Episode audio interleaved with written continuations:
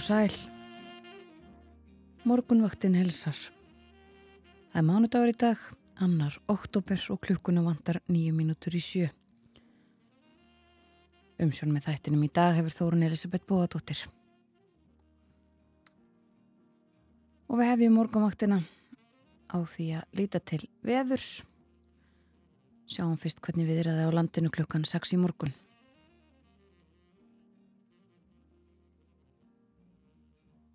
Byrjum í Reykjavík. Þar var einna hlýjast á landinu. Nýju steg að hiti klukkan 6 í morgun. Allskíjað og norðanótt fjórir metrar á sekundu. 6 steg að hiti á Kvanneri og austanátt hægur vindur. 7 steg að hiti og skíjað í stikkisólmi. Norðaustanátt 8 metrar á sekundu. Sami vindraði á Patræksfyrði þar var líka 7 steg að hiti klukkan 6 í morgun. 10 metrar á sekundu í Bólungavík 6 steg að hiti. 6 steg að hiti líka í Littlu Ávík og lítilsáttar regning þar og 6 steg að hiti á Holmavík 4 metrar á sekundu norðanátt á þessum stóðum. 6 steg að hiti á Blöndósi og 10 metrar á sekundu 11 metrar á sekundu við Söðanesvita norðaustanátt og 6 steg að hiti og 6 steg hitti á Akureyri, regning og eh, hæg norðanátt, 5 steg hitti á Húsavík og hægur vindur sem er leiðis. 6 steg hitti á Rauvarhöfn og eh, norðaustan 11 metrar á sekundu, norðaustan 12 metrar á Skeltingstöðum og líka 6 steg hitti þar. Lítilsáttar regning á Egilstöðum, norðan 11 metrar á sekundu og 7 steg hitti. Það var nýjustu að hitti á höfni Hortnaferði og Kvískerjum, norðan átt uh, á Suðausturlandi líka og sjöstu að hitti á Kirkjubæðaklaustri, þar var nánast logn. Sjöstu að hitti á Stórhauða í Vestmanniðum og sjöstu að hitti í Árnesi klokkan 6 í morgun. Og uh, hittin við Frostmark á hverjaföllum og sandbúðum en uh, örlítið hlýra annar staðar á öðrum veður aðtjónastöðum á hálendinu tvekja og þryggjastega hiti. Og þá að veðrinu í dag norðaustan 8 til 15 metrar á sekundu en enn kvassara í vindstreikjum við fjöll á vestanverði landinu. Regning norðan og austanlands en bjartað mestu sunnan heiða. Hitin fjögur til 12 stig mildast siðst og á morgun norðan og norðaustan 5 til 13. Víða regningum landið norðanvert en stökuskúrir sunnarlands og það kólnar lítilega á morgun þriðudag. Í hugleggingum veðfræðings segir þegar að þetta er skrifað hefur hlýjast á landinu í dag, þetta er sem sagt síðan í gær, já. Eh, þá var tæplega 15 steg að hiti og ágetis veður, fjallaðum veður blíðu á kjalanissi eh, eins og segir sástaður því miður munfrægari fyrir vindstrengi í norðanótt. En já, norðaustan kaldi eða strekkingur á landinu og norðulægur vindur meira þegar kemur á þennan dag. Og það segir í aðtóasemt viðfræðings vegna þessara kvössu vindstrengja að staðbundið geta myndast varasamar aðstæður fyrir þau aukutæki sem eru viðkvæmust fyrir vindi. Fylgjumst áfram með veðrinu auðvitað. Það er ímislegt á dagskráni á morgunvaktin í dag.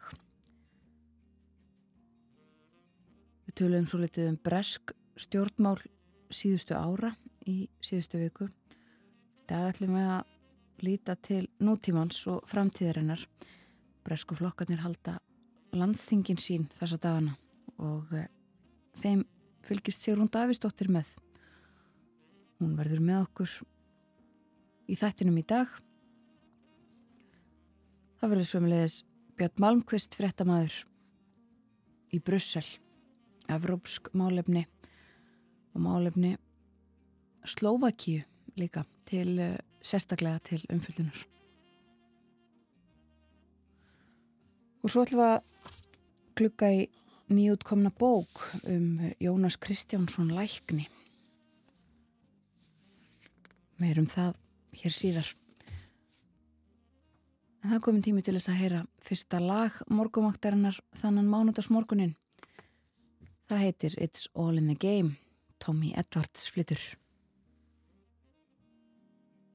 Many a tear has to fall But it's all in the game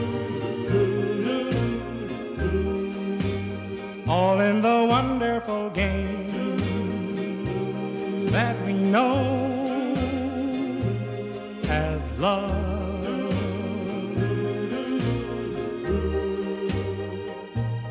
You have words with him And your future's looking dim. But these things Your hearts can rise above Once in a while he won't call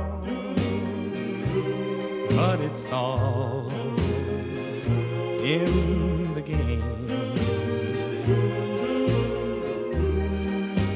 Soon he'll be there at your side with a sweet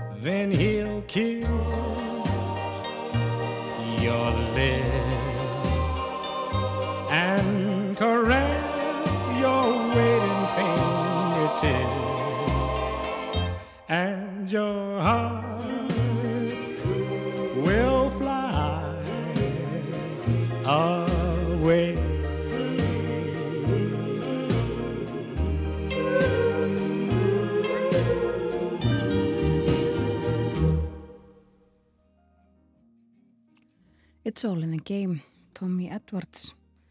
Fyrsta lagi sem við leikum á morgunvaktinni þennan mánudagsmorgunin. Við förum að hleypa frettastofinni að, morgun frettinnar á dagskroni á slæginu sjö eftir tæpa mínútu, venju samkvæmt.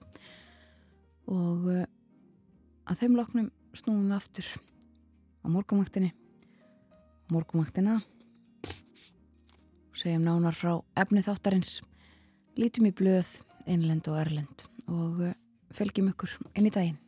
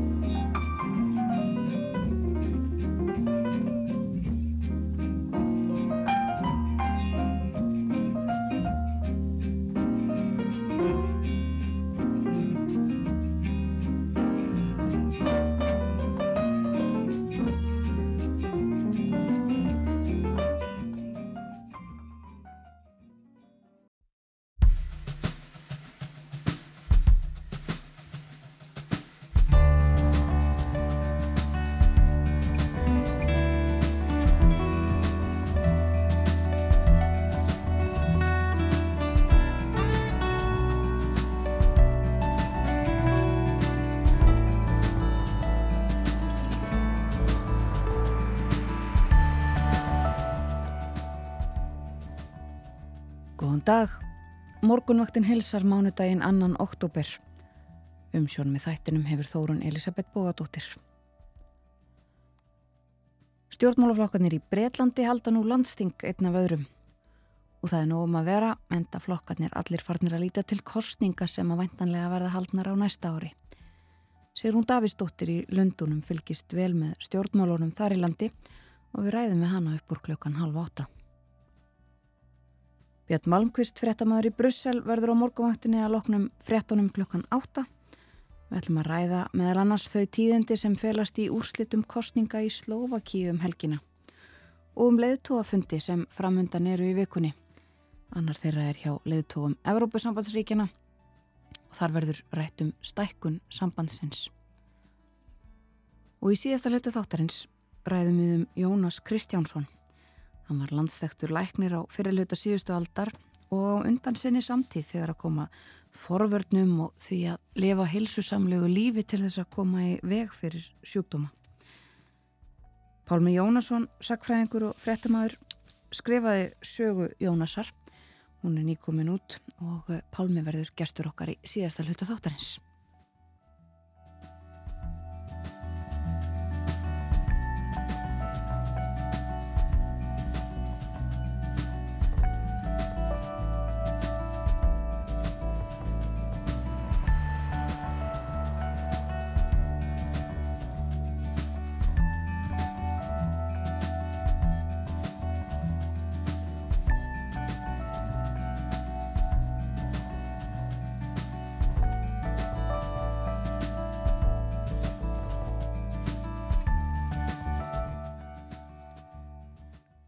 Við lítum til veðurs. Það er kvast, líkur á kvössum vindstrengjum við fjölla á vestanverðulandinu í dag. Norðaustan 8 til 15 metrar annar staðar en sem sagt kvassara í þessum strengjum við fjöll. Og regning norðan og austanlands en bjarta mestu sunnan heiða og hitin fjögur til 12 stig mildast siðst í dag. Á morgun norðan og norðaustan 5-13 metrar á sekundu. Víða regning um landið norðanvert en stöku skúrir sunnanlands og það kólnar lítilega á morgun. Á miðvíkudag austan og norðaustan átt. Regning með köplum þá á söður og vesturlandi en skúrir eða jélum landið norðaustanvert. Og hiti frá einu stíi í innsveitum á norðausturlandi upp í 8 stíg söðvestan til. Svipað svo á fymtudag, austan og norðaustan 5-13 en hversir við suðuströndina þá, stöku jél en dálitil regning á söður og vesturlandi. Og kólnar heldur, segir. Á förstu dag er svo spáinn svona gengur í kvassa austan og norðaustan átt með regningu en snjó komu til fjalla um landið norðanvert. Hitinn 2-8 stig. En það hlínar svo aftur á lögadag og sunnudag, sem sagt um næstu helgi hlínar á ný.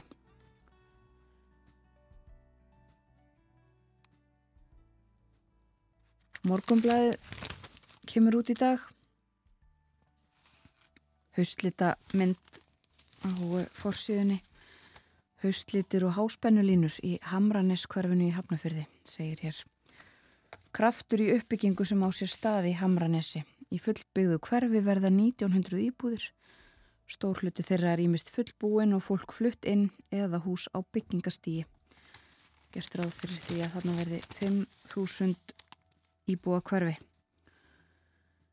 Og hverfið í mikilinn áðurlað við náttúruna þess að dagana fá hausleitir að njóta sín og uh, möstur og háspennulínur sem að sjást á þessari mynd munu standa áfram, aðrar línur verða lagðar í jörð þegar framliða stundir. Og það eru tvær uh, frettir á fórsíðu morgumblasins önnur um orkumál, einmitt uh, millur vindmillur sem að settra hafa verið upp á ný í Þykvabæ. Þar geta framleitt um 1,8 megawatt af orku og það haft eftir stjórnarformanni fyrirtækisinn sem að stendur að þessu verkefni að það sé eina viðbótin sem einhverju nefnur sem kemur inn á raforkukerfi landsins í ár. Þetta eru millur sem að eru lægri, eru lægri turnar en það er vindmjölur sem áður voru sem að brunnu og voru feldar eru lægri en kraftmeiri. Og umfyllunum þetta í, inn í blaðinu líka. Og hinfrettin byðlisti bugl hefur helmingast. Ekki hafa verið færri börn á byðlista eftir þjónustu á göngudild barna og unglinga geðdildar landsbítalans síðan árið 2006. Nú voru börnin 49 sem að býða eftir þjónustunni en í janúar á þessu ári voru þau 124 eða ríflega tvöfalt fleiri. Og það er rætt við Sigurvegu Sigurjón Stúttur Mýrdal sem er deildarstjóri hjúgrunnar á barna og úlenga geðtild. Hún segir að meðal annars megi tvennu þakka að færri börn býð eftir þjónustu, annars vegar skipuritsbreytingar hjá landsbítalanum en líka einnig aukið fjármakt til bugl í upphafið þessa árs.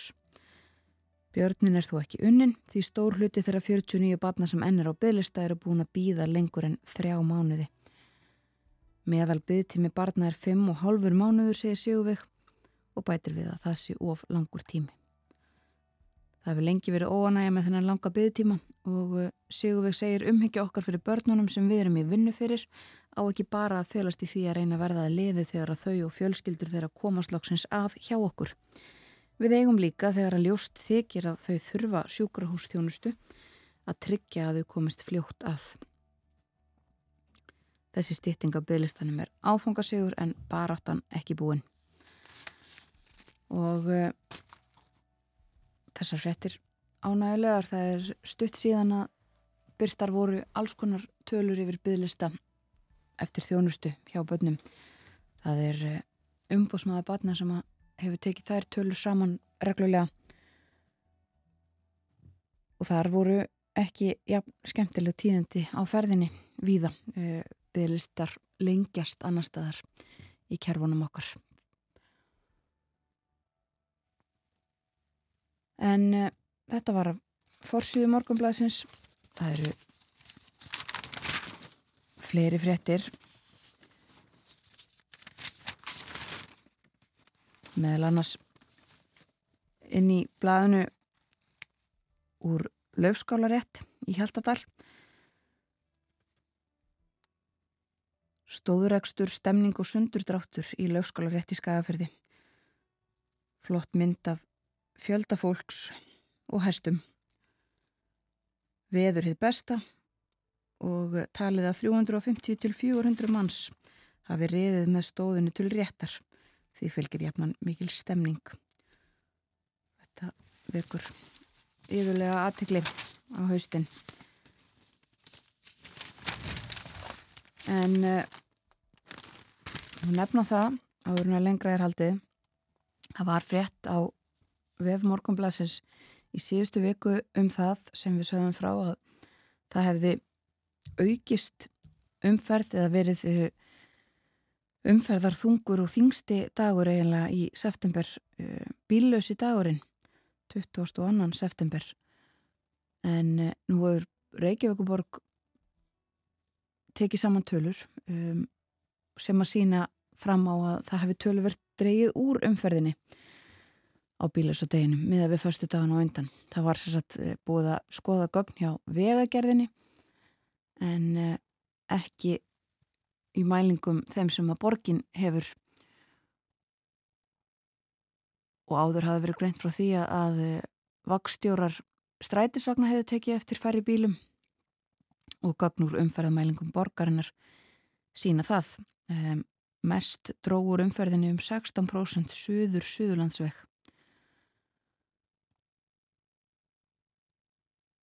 Og uh, hægt að skoða alls konar talningastaði ekki bara fyrir uh, bíllösa dagi, heldur bara alla daga á vef borgarinnar. Það eru mikill fjöldi af uh, talningastöðum sem að hægt er að skoða á, á gagverku korti.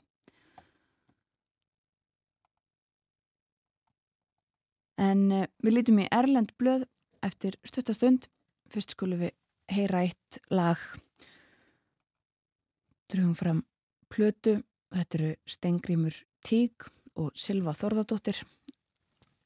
Lettu saman hersta sína og gáfu út þessa plötu. Heyrum lag sem heitir More Than You Know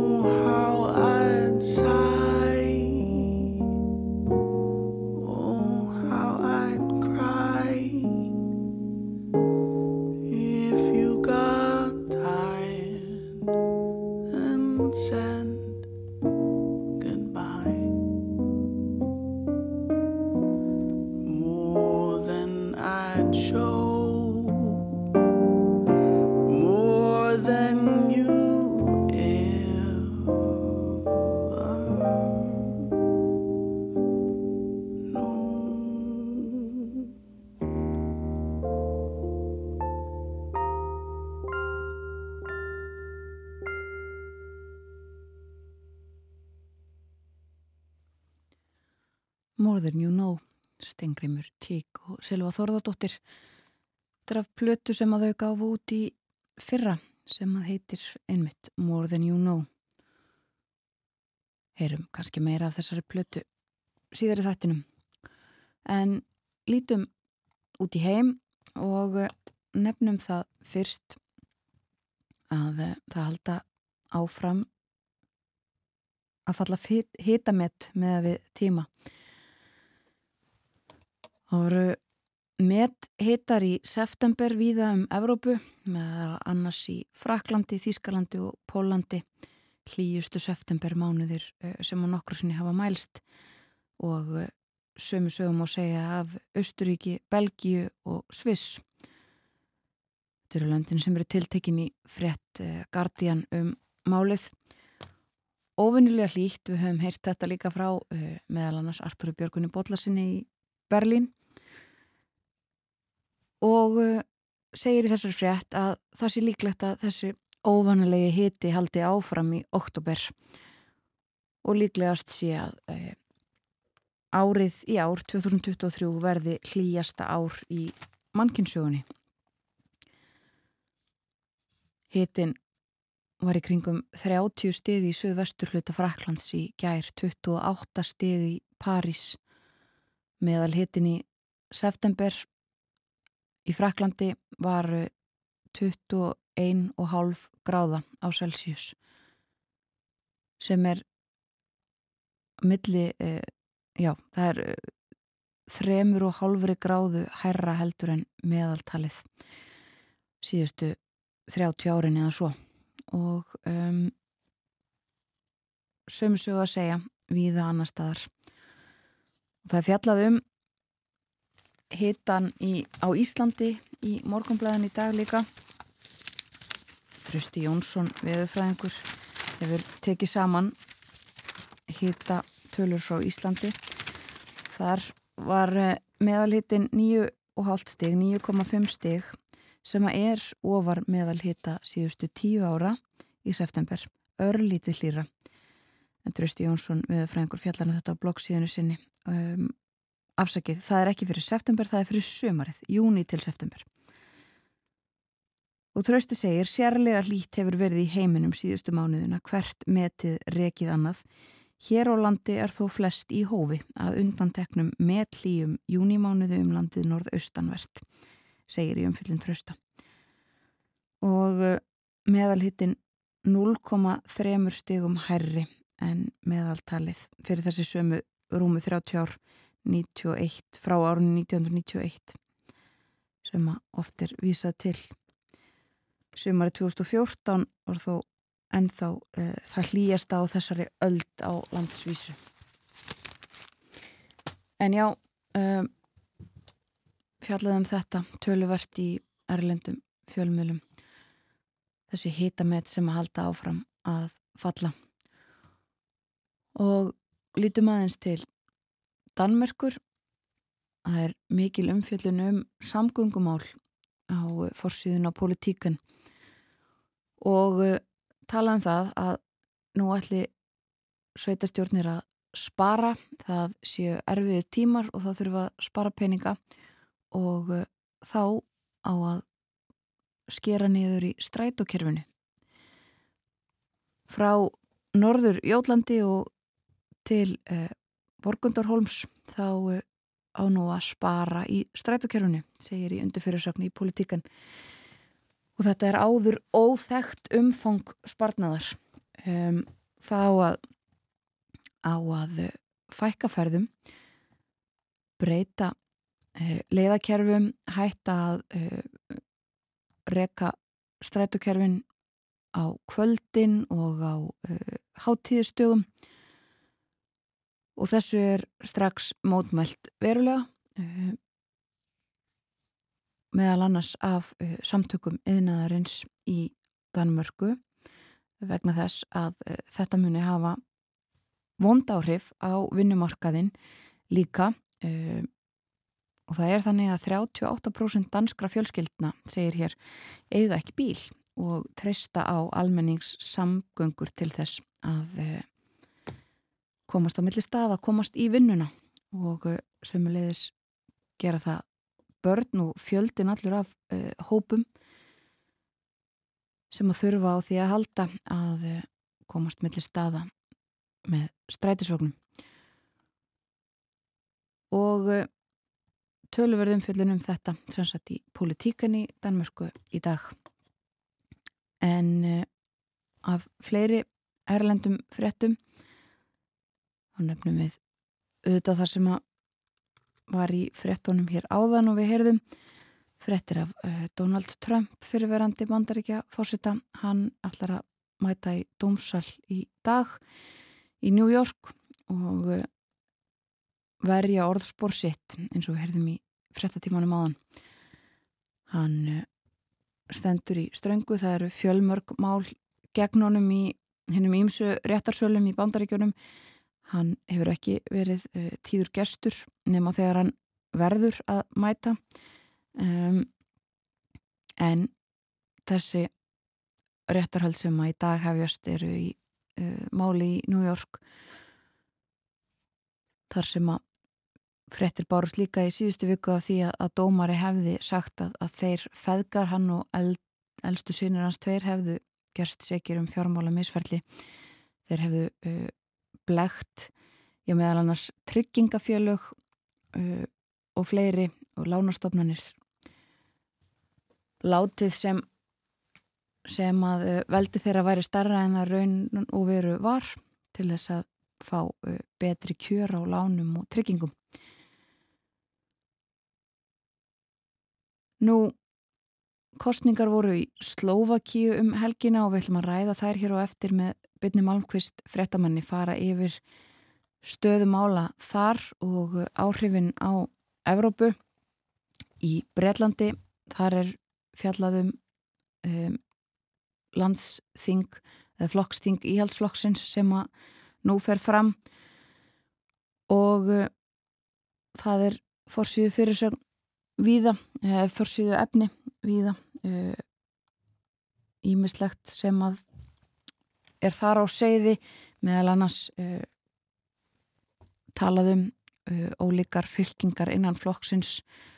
Reysi Súnag fórsættisráð þeirra uh, gengur illa að halda saman flokknum segir einni fórsíðu fyrirsögninni. Við ræðum um bresku stjórnmólin eftir nokkra mínútur með Sigrúnu Davísdóttur förum nánar í þetta þá en á öðrum fórsíðum í Breitlandi er talað um símabann í skólum kunnulegt uh, stef fyrir Íslendinga.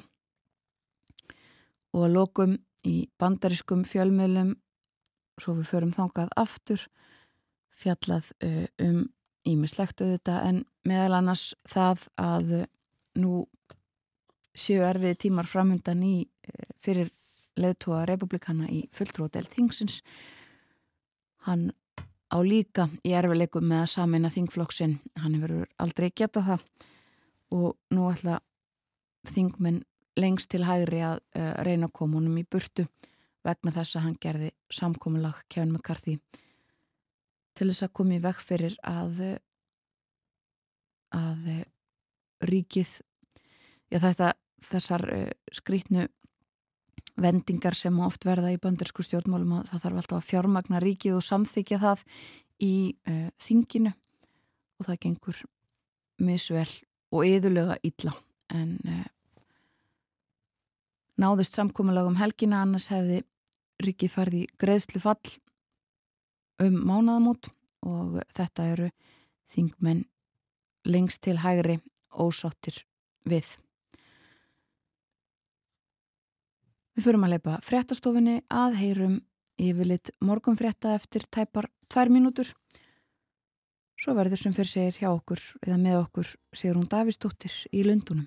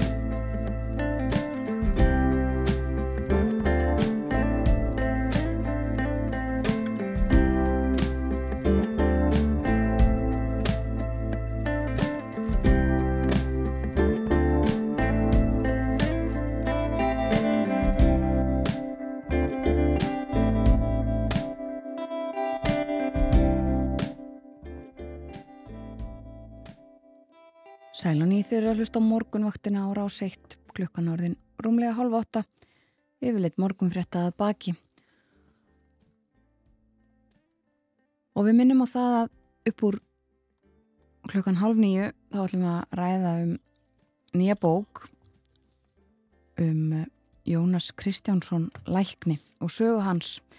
Það er Pálmi Jónasson, sagfræðingur sem að skrifaði þessa bók og Hún fjallar um Jónas sem var landstektur héraðslæknir fyrir hluta síðustu aldar og uh,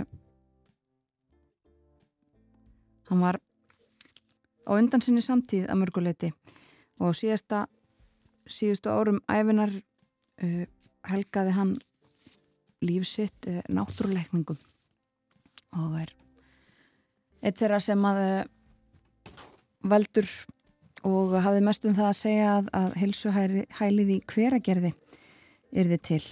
Meirum þetta upp úr klokkan hálf nýju en áður en að því kemur að þá uh, verður Björn Malmqvist fréttamaður í Brussel með okkur. Það er að ræða meðal annars um úrslitt uh, kostninga í Slovakíu um helgina og uh, svo leðtúa fundi um, í meðal Evrópu sambands og Evrópu leðtúa í vikunni. En uh, nú ætlum að snú okkur að breskum stjórnmálum.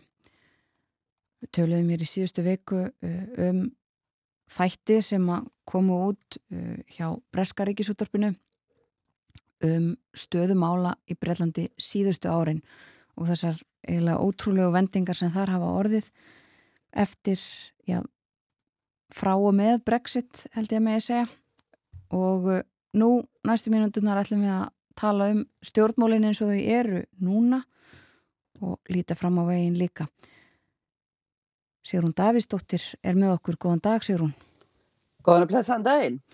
Vindum okkur í stjórnmólinn. Um, haustið er tími flokksþingana í Brellandi og uh, frjálslindir demokrater þeir eru búinir að þinga og uh, við skulum byrja á þeim. Hvernig er andin þar eftir flokksþingi þeirra? Það er uh, nokkuð góður andi en það er nákvæmlega eins og þú varst að segja að, að hérna, ég er með torði á þessa þætti uh, ríki uh, óreðunar og uh, nákvæmlega þetta. Það er búið að vera mikið upplaust síðan 2016 uh, uh, í þjórakagreistinu um Brexit en já, vindum okkur í frásildademokrata. Þeir eru venjulega langt frá stjórnarmöguleikum svo þeir eru stundu kallaðið góði flokkurinn af því að þeir hafa efni á að vera með alls kynns góð og vinsal mál og nú rættu þeir þess að byggja meira af góðu húsnaði sem fólk hefði efni á sem er uh, mjög mikið rætt hér, svona alveg síkilt mál alltaf í veldunni. Nú flokkurinn náði gríðar góðum árangri í kostingunum 2010 þegar stjórnverkamannflokksins fjall eftir 13 ár og uh, frástundir fór svo í samstipustjórn með íhalsflokknum. Flokkurinn hefur grætt á óvinnsældum íhalflóksins núna og það setti svip á þingið. Já, og í þetta skipti eru þeir vantanlega ekki að viðra möguleika á stjórnarsamstarfi við íhalsflokkin? Nei, það er alveg skýrt að frálslindur ætla ekki að styðja íhalsflokkin til valda. Þeir guldur reyndar uh, mikið afhróð uh, í kostingunum 2015 eftir þessa uh, samstöpustjórn en núna horfaði til vinstri sem er nýlunda því frálslindur hafa gertan verið flokkurinn sem höfðar til óanæðra íhalsmanna. Um, þetta vinstri daður fer greinlega fyrir brjóstið á íhalsöblum. Það var einn greinarhöfundur í Daily Telegraph sem er blað sem stiður íhalsflokkin uh, skrifaði í vikunni að frjálslindir væru versta aflið í breskum stjórnmálum núna, hvorki meirinni minna og hræstnin í þeim flokki væri alveg yfirgengileg. Svo já, má, það má vel að sjá þarna að frjálslindir hafa stíið á ímsar íhalstær. Einmitt það og, og þing íhaldsflokksins það hófst í gær og eh, eins og við höfum minnst á þessa þætti það er rétt um ár síðan að Rissi Súna Gvarðfósettisráð þeirra eh, næstum því einmitt óvart hefur eh, honum dugað árið til þess að ná samfærandi leðtóa tökum á flokknum uh, og landinu. Já, það hvernig hann komst til valda er nú ekki gleynt. Hann bauði sig fram sem artæki Borisa Johnsons og var kjörn af þingfloknum en tapaði fyrir Liz Truss er að koma kostningu með almennra flokksmanna. Nú Truss fjall eftir 45 daga, hún er reyndar að tala í dag og er enn við sama heikarshornið og eh, en þegar að uh, Truss fjall þá kom sem sagt röðin að súnag.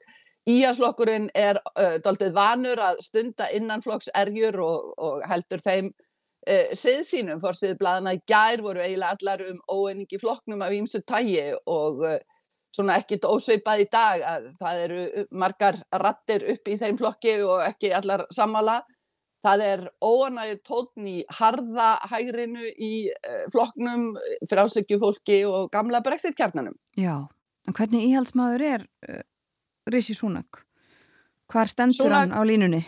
Já, hvar stendur hann á línunni? Hann tók við eftir upplausn eftir neyksli og óklárheit Johnsons og óhefta frálsíkju Truss svo Sunak vildi fyrst og fremst vera tröstur leiðtögi, einhver sem að væri ekki með neitt vesinn, bara vinna vinnuna, stjórna landinu festu og honum dögði eiginlega framann af árinu að vera Korki Johnson ég Truss En uh, það gufaði nú svolítið upp í vor, reyndar kannski aðeins merkjum að uh, skoðanakannir séu aftur að hallast uh, í halslokknum við vil, en nú svo núna þá þarf hann eitthvað rótækt. Hann hefur nýlega sveikt flokkin frá lofslagsstefnu sem Johnson hafi markað, dreigið kraftinn uh, úr þeirri stefnu, það með ekki leggja of mikla bakka á almenning en talar hins vegar ekki mikið um möguleikana sem felast í grænni stefnu.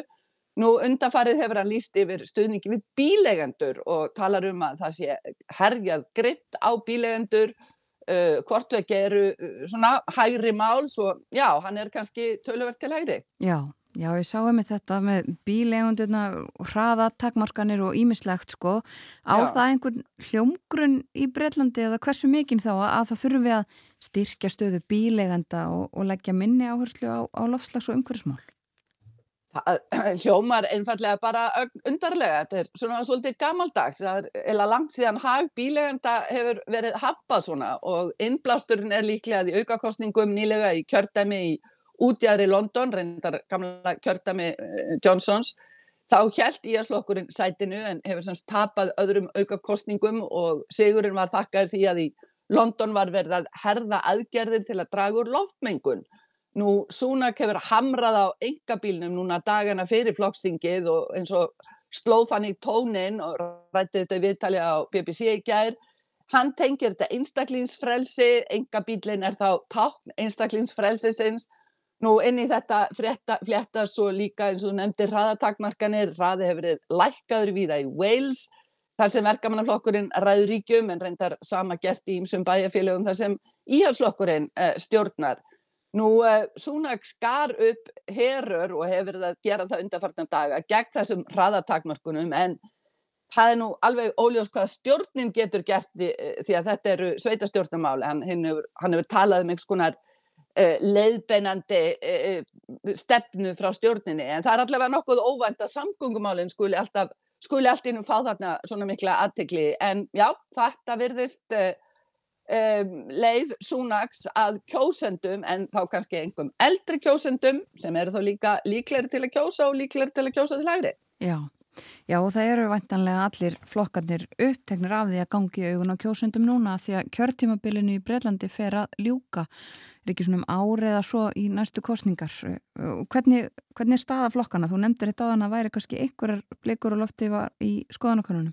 Já, sko verkamannaflokkurinn hefur verið með þetta 15 til tæplega 20% stiga fórskot á íhalsflokkin undanfærin misseri, eh, náði fórskoti fyrir tæpum tveimur árum og hefur haldið því síðan en já, það er svona kannski eitthvað aðeins en, en það reyndar gerist oft í kringum flokksingin en á eftir að koma í ljós. Það varð uh, rækilega uppsveiflað fyrir uh, verkamannflokkin þegar Tröss uh, kom til valda í fyrra. Súnak bætti aðeins stöðu flokksins en fjarrið í nóg, hann náði ekki flokknum aftur á sama stað hann hafi verið. Svo já, staða verkamannflokksins er býstna góð en flokksfórustan er líka rækilega taugavekluð. Þú eru greinlega ekki alveg að trúa skoðanakonunum sem er auðvitað viturlegt og, og þú eru ekki alveg að treysta á að þetta haldist. Nei, og flokksting verkamannaflokksins er svo um næstu helgi og eh, ég, hvernig vinnur flokkurinn þá úr skoðanakonunum sem þú er ekki alveg að trúa? Flokksleitóin Kýr Starmer er almennt mjög varkármaður, svolítið þreytanda hlusta á hann því að hann verðist alltaf hugsa allt mörgum sinnum á hann eh, kemur því út úr sér, verður svolítið styrt og óaðlæðandi um, og þannig er bragurinn á flokknum, um, segir ekki sérlega mikið af það og er auðvitað duglegur að gaggrina eh, stjórnina og stjórnaflokkin og þetta er allt skiljalegt, flokkurinn vil ekki negla neitt og fast nýður til að geta betur bröðist við en það sem vantar einhvern veginn eh, alveg en þá allavega er einhver svona þráður, einhver saga um hvað flokkurinn ætla að gera. Það vantar framtíðar sín og ymsir flokksmenn hafa þetta allar ágjörð því. Já, eins og þú nefndir áðan eh, stjórn verkamannaflokksins fjall 2010 hafði þá verið 13 ári stjórn vann þennan gríðalega kostningasegur 97 þá eh, hafði íhjaldflokkurinn verið í stjórn í langan tíma er verið að horfa tilbaka til þessara kostninga og, og segur sinns 97, einhver samaburður þarna? Já, það er ónæntilega oft vísa til þessara afdröðuríku kostninga 97 og ef þau úrslit endur tækju sig þá horfir verkamannflokkurinn fram á tröstan meirluta en það þarf Uh, alltaf doldi mikið í þessu uh, kjördamakerfi sem er hérna, ein, einmenningskjördamanum. Nú, verkamannaflokkurinn 97 undir fórustu Tony Blairs var mjög miðjusækin og Blair hafði lofað að halda í ýmsar ákvarðanir í að stjórnarnar og sama er starmer greinlega svolítið að gera núna. Það er til dæmis nýbúið að útluta ólíuvinnslu leifi sem er mjög umdelt út frá umhverju sjónamiðum og starmer búin að lýsa því yfir að hann ætla ekki að endurkalla leifið, ekki afturkalla leifið segja. En flokkurinn 97 hafði líka mjög skýra sín og hafði þetta fræga slagord mentun, mentun, mentun aðaláherslan á mentamál sem voru svo líka tekinn ærlegum tökum og það er doldið þetta sem að uh, mannum finnst að, að verkamannflokkin vandi núna allavega enn sem komið er. Já, og hvað með sko, þessar leiðtúa tvo, Súnak og Starmer, hvernig koma þeir fyrir? Starmer hefur auðvitað fórskótt í tíma, hann var flokksleiðtói 2020, Súnak hefur að, verið aðeins ár uh, sem leiðtói en var fjármálráþarum lítleitt og Starmer var leiðtói Eh, bakgrunnun ólíkur úr verk, verkamannastjætt eh, og hefur unnið sig upp eh, Súnak foreldrans voru læknar minni mig, það voru allavega já, menta, menta fólk og þeir og hann, Súnak er svo giftur inn í moldríka indverska fjölskyldu, hann er af indversku mættum og það er svona verið að minna það að hann hafa ekki mikið skilning á lífskjörum almennings en Þeir eru hvorur sérlega æsilegir leiðtóður, ekki beint trífandi en vilja báður vera tröstur og áræðanlegir. Súnak er yngri og af innflytjandi ættum eins og ég nefndi en á svona svolítið spítukall, Starm er eldri, hann er meira eins og embætsmaður sem hann reyndar var. Skoðanakannanir á vinsaldum leiðtóna sína Starmer uh, stendur miklu betur sem er eins og ég nefndi nýtt því Súnak var persónlega vinsaldli fram á vor, nú þetta álit kjósenda á leðtónum eru goða frétti fyrir verkamannaflokkin, um, líka því það er almennt meiri trú á verkamannaflokknum nánast í öllum málaflokkum, en já, það getur margt gert á einu orði. Já, breytar uh, kannski frekar en margir aðrir uh, vita það, en já. sko, hvað með aðra flokk, þessu grænaflokkin, vinnur hann ekki dá núna uh, í allir þessu lofslags umræðum? Ef við lítum á skoðanakanninni þá er semst að verkefnaflokkurinn er um þetta leiti með 45% uh, fylgi, íhalsflokkurinn 27, frálslindi 10, Reform sem er gamli brexitflokkur Nigel Farage var semst að and Evrópu sambandsflokkur og er orðin svona einhvers konar, já, Reform kallaður hann, að gera hér alls konar kerfisbreytingar.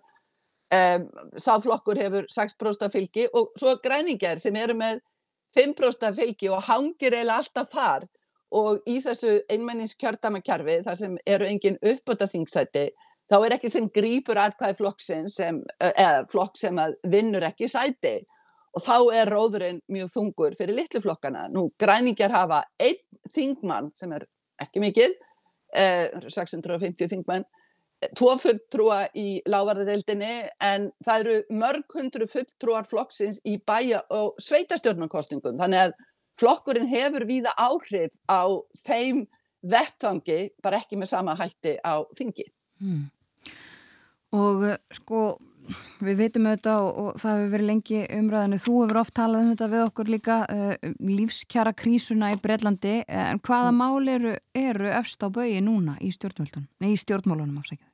Það er, já, áfram uh, lífskjara kreppan og, og svo er það, það tengt í náttúrulega er verðbólgan, hún hefur farið lækandi, var núna í ágúst rétt innan við 6% og uh, Súnak hefur talað um það sem sitt barattumál og reyndar heyrði ég um helgina að hann ætlaði að ná verðbólgunni niður í hvað 3-4% og, og þá ætlaði hann efna til kostninga því þá gæti hann sagt að hann hefði náð árangri.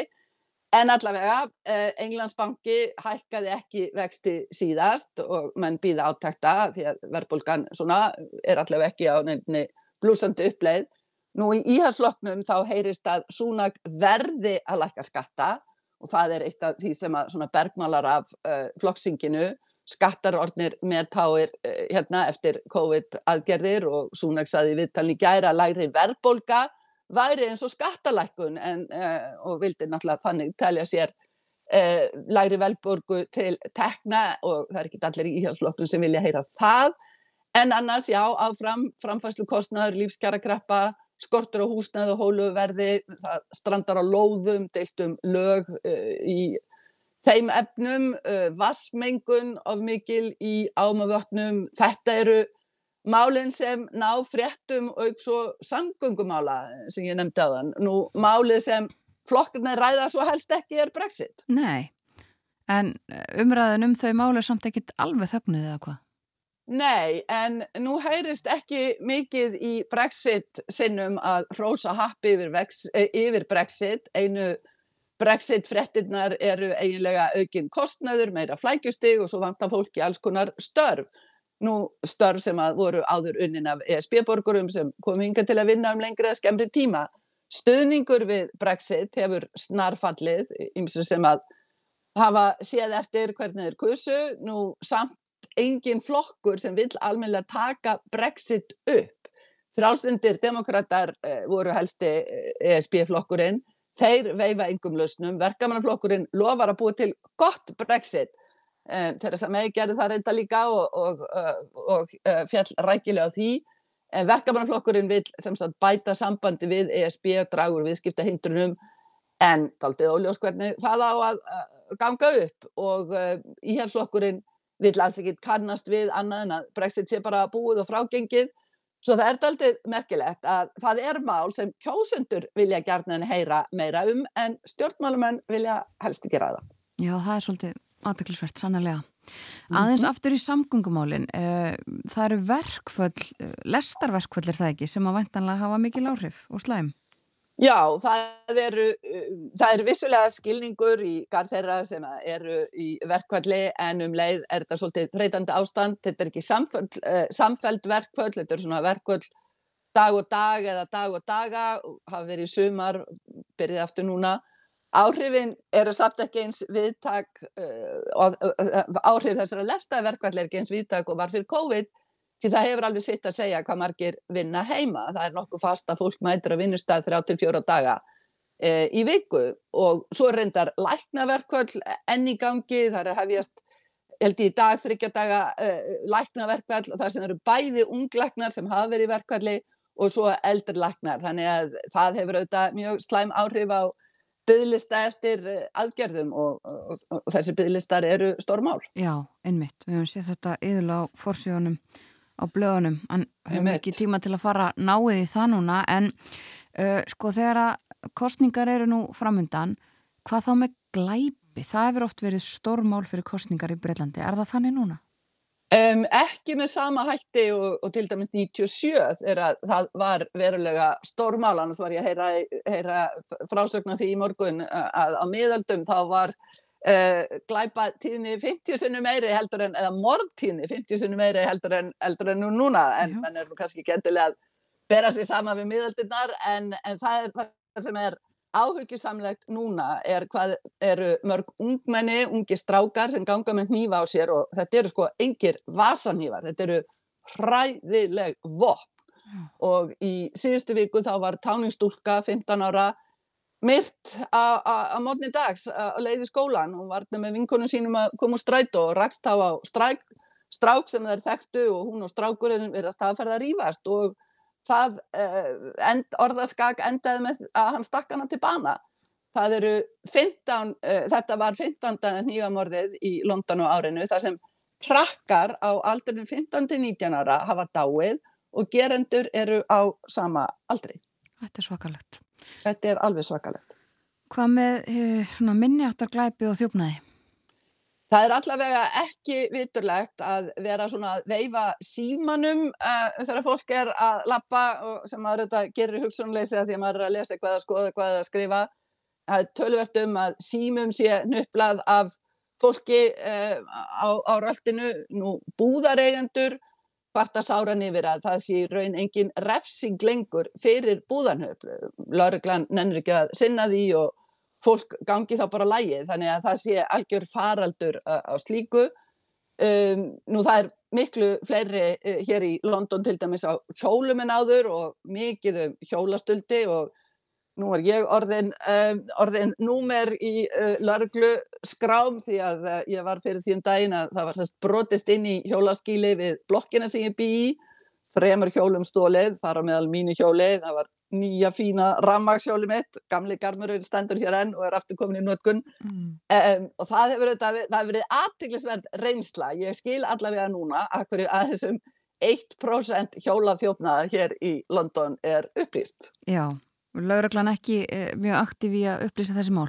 Nei, ég hef verið tóltið aktíf að fara hér í, í, uh, á veitingahús og hótel í nágrinnu og leita eftir, uh, leita eftir uh, myndavélu, myndum úr myndavélum því að við höfum mynda því hver er þetta voru en Lörglann segir það er ekki nógu góð andlismynd en við sjáum að þeir voru hér að dunda sér um miðanótt frá klukkan halv þrjú til halv fjögur að ná þessum hjólum. Já og farandi hér fram og aftur í húsagarðinum um, þannig að við höfum myndaðum og, og það er alveg hægt að bera það saman við myndir í nágrannu þannig að ég er búin að finna út í hvaða áttir fóru en hvort ég fæ lauruglan til að leita er annar mál.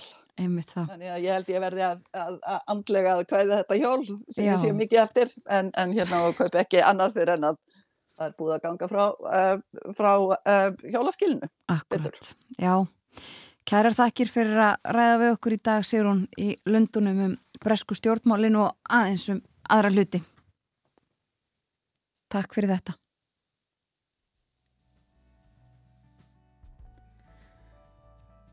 Sigrun Davísdóttir í Lundunum. Fáum að heyri henni annars slæðið en þá. Hún fylgist vel með bresku stjórnmálunum. Sáð okkur frá flokksþingunum sem að nú fara fram eitt af öðru frjálslindir demokrater búnir íhalsmenn eru að þinga og svo er það verkamannaflokkurinn um næstu helgi. Við förum að leipa fréttastofinni að það eru morgum fréttir á slæginu átta og eh, svo verðum við okkur Björn Malmqvist fréttamaður.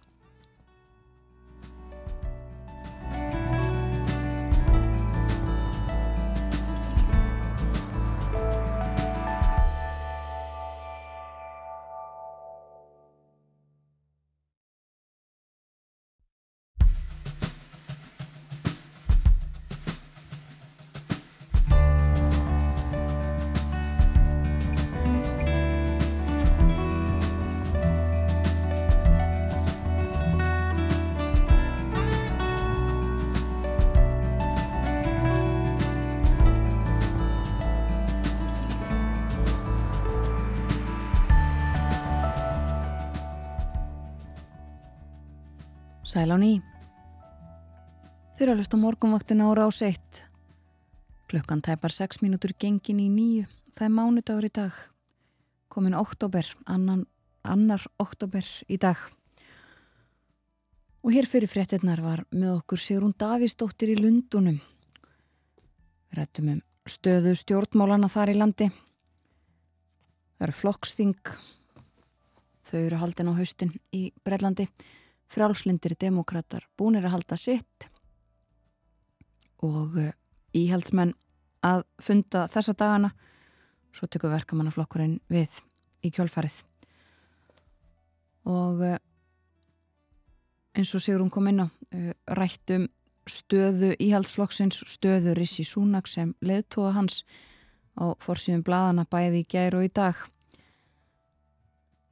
Talaðum að honum hafa ekki tekist að sameina flokkin og eins og við höfum rætt bæði við Sigrunu og gerðum síðast á femtudaginn síðasta í heimsklukanum uh, að þá eru innan flokks átöku og uh, miklir erfileikar uh, eru og hafa verið í, í helsfloknum breska. En áfram um stjórnmólin stjórnmól í Evrópu eru og koma við sögu næstu mínúturnar. Við ætlum að tala um stjórnmál í, eh, á Spáni, eh, tengd Spáni en líka Slovakíu. Björn Malmqvist, frettamæður okkar í Brussel er komin á línuna. Góðan dag, Björn. Góðan, góðan daginn. Góðan daginn. Við ætlum að tala um uh, tvo leiðtóafundi já sem verða haldnir á Spáni síðar í vikunni um, en uh, byrjum á að tala um þessar kostningar í Slovakíu á lögadaginn. Það er fengur talsvært mikla aðtekli í fjölmiðlum víða um heim. Þú hefur verið að fjallum þær undarfartna daga þar á meðal í heimskviðum á, á lögadaginn síðasta. Uh, hvernig fóru þessar kostningar og hvers vegna voru þær svona áhugaverðar?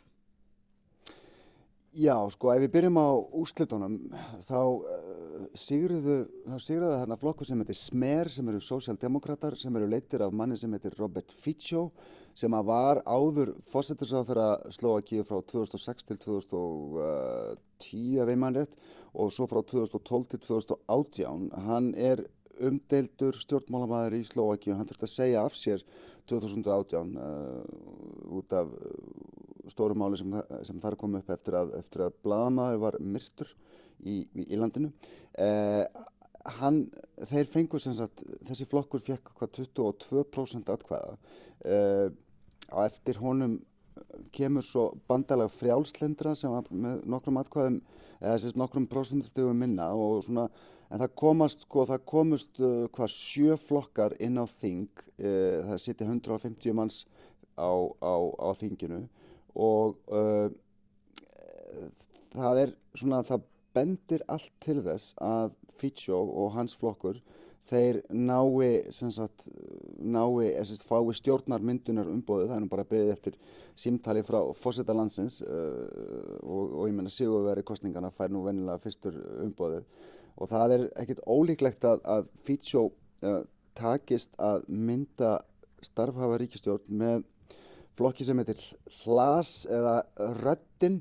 Það er reyndar flokkur sem að klauf sig út úr flokki Fítsjós fyrir nokkur mánu síðan, það er þessi 2020 og uh, þeir geta líklegast tekið með sér uh, svona þjóðverðin sinnaðan hægri flokk sem að, sem að, sem að myndi skila þeim sko einhverjum 79, sæt, 79 sætum að þessum 150 á, á þinginu. Já. Það er annað möguleiki, það er annað möguleiki er að, að frjálslendir geti myndað bandalag með hlas sem er þá vantilega svona likil flokkur í því en það er svona, það er talið svona tiltölulega ólíklegt.